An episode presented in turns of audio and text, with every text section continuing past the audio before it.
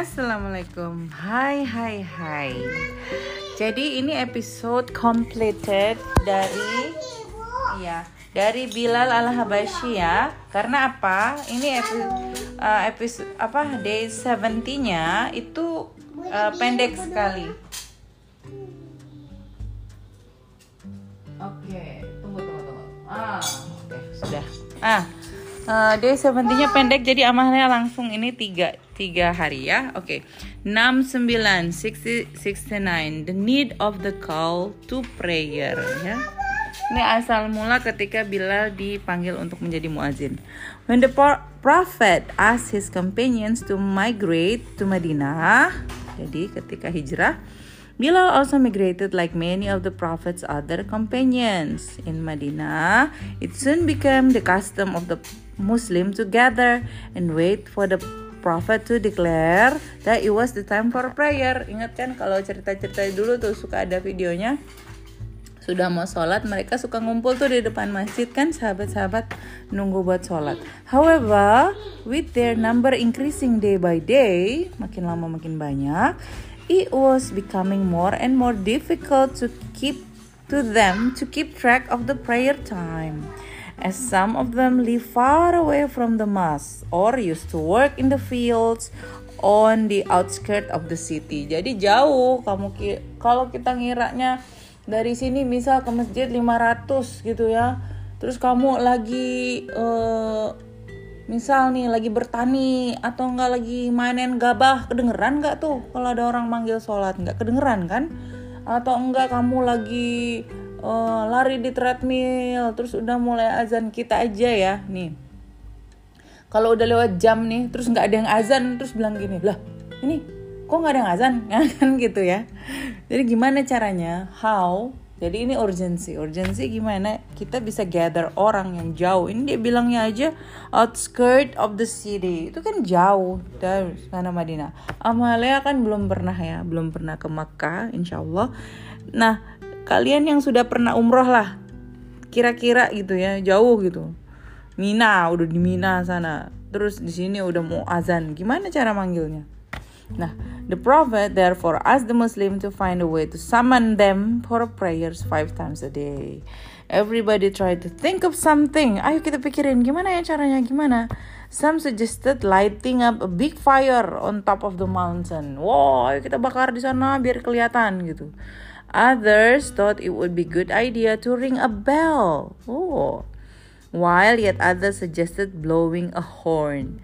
The Prophet did not like any of this suggestion. Hmm.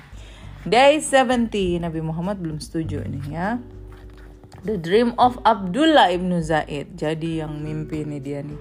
One morning, the Prophet was sitting in the mosque with some of his companions. A companion called Abdullah ibn Zaid walked into the mosque, greeted the Prophet, and announced, Last night I had a dream, a beautiful dream. In all my life I have never had a dream more beautiful than this. Biasanya dibilangnya dream itu bunga tidur ya, kecuali dreamnya Nabi, Yus Nabi Yusuf ya. Uh, tell us about your dream Abdullah, said the companions. In my dream, I saw a man in a green garment, pakai baju hijau, carrying a bell. I asked him, would you sell me your bell? What do you need a bell for? he asked. We need it to call the people for prayers. I replied. Then he said, You don't need a bell. Let me teach you something better than ringing a bell. Then he taught me the words of the call of prayer. Azan. Allahu Akbar, Allahu Akbar. Wah, yang dapat mimpi Abdullah ibnu Zaid. Nih, jadi kalian ingat nih. Siapa yang pertama kali mimpi diajarin azan. Nah ini quiz-quiz. Abdullah ibnu Zaid. Ingat-ingat ya Abdullah ibnu Zaid. Okay, day 71, the first muazzin in Islam. The Prophet and his companions were delighted with Abdullah's dream. Ya kan? Abdullah's dream. Immediately the Prophet called Bilal because he had a beautiful voice. Mereka tahu loh dia punya suara yang bagus. And taught him the words of the azan. Thus, Bilal became the first muazzin of Islam. Since that day, Muslims all over the world use the azan to call people to prayer. Bilal act as the muazzin of the Prophet even when the Prophet was traveling. Oh, jadi dia ikut ke mana pun Nabi pergi ya. Whenever people heard Bilal's voice calling out the azan, they instantly knew that the Prophet was nearby. Wah, iya bener juga ya. Kan lengket tuh ke mana-mana berdua-duaan.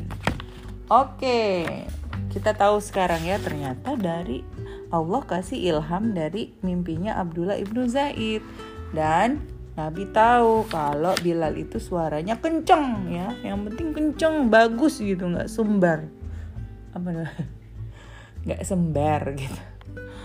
Jadi dulu belum ada toa nih teman-teman ya. Jadi dia kenceng gitu. Kan ada tuh. Hmm, apa? Kalau kamu suka ke YouTube coba lihat ya. Ada cerita Nabi Muhammad. Nah ada tuh. Adegan pasti Bilalnya um, muazin mengumandangkan azan ya. Oke hari hari ini terakhir tentang Bilal al Habashi Nanti abis ini kita lanjut Muad ibnu Jabal. Jabal, hai Jabal. Tahu kan gunung. See you soon ya teman-teman. This is more exciting.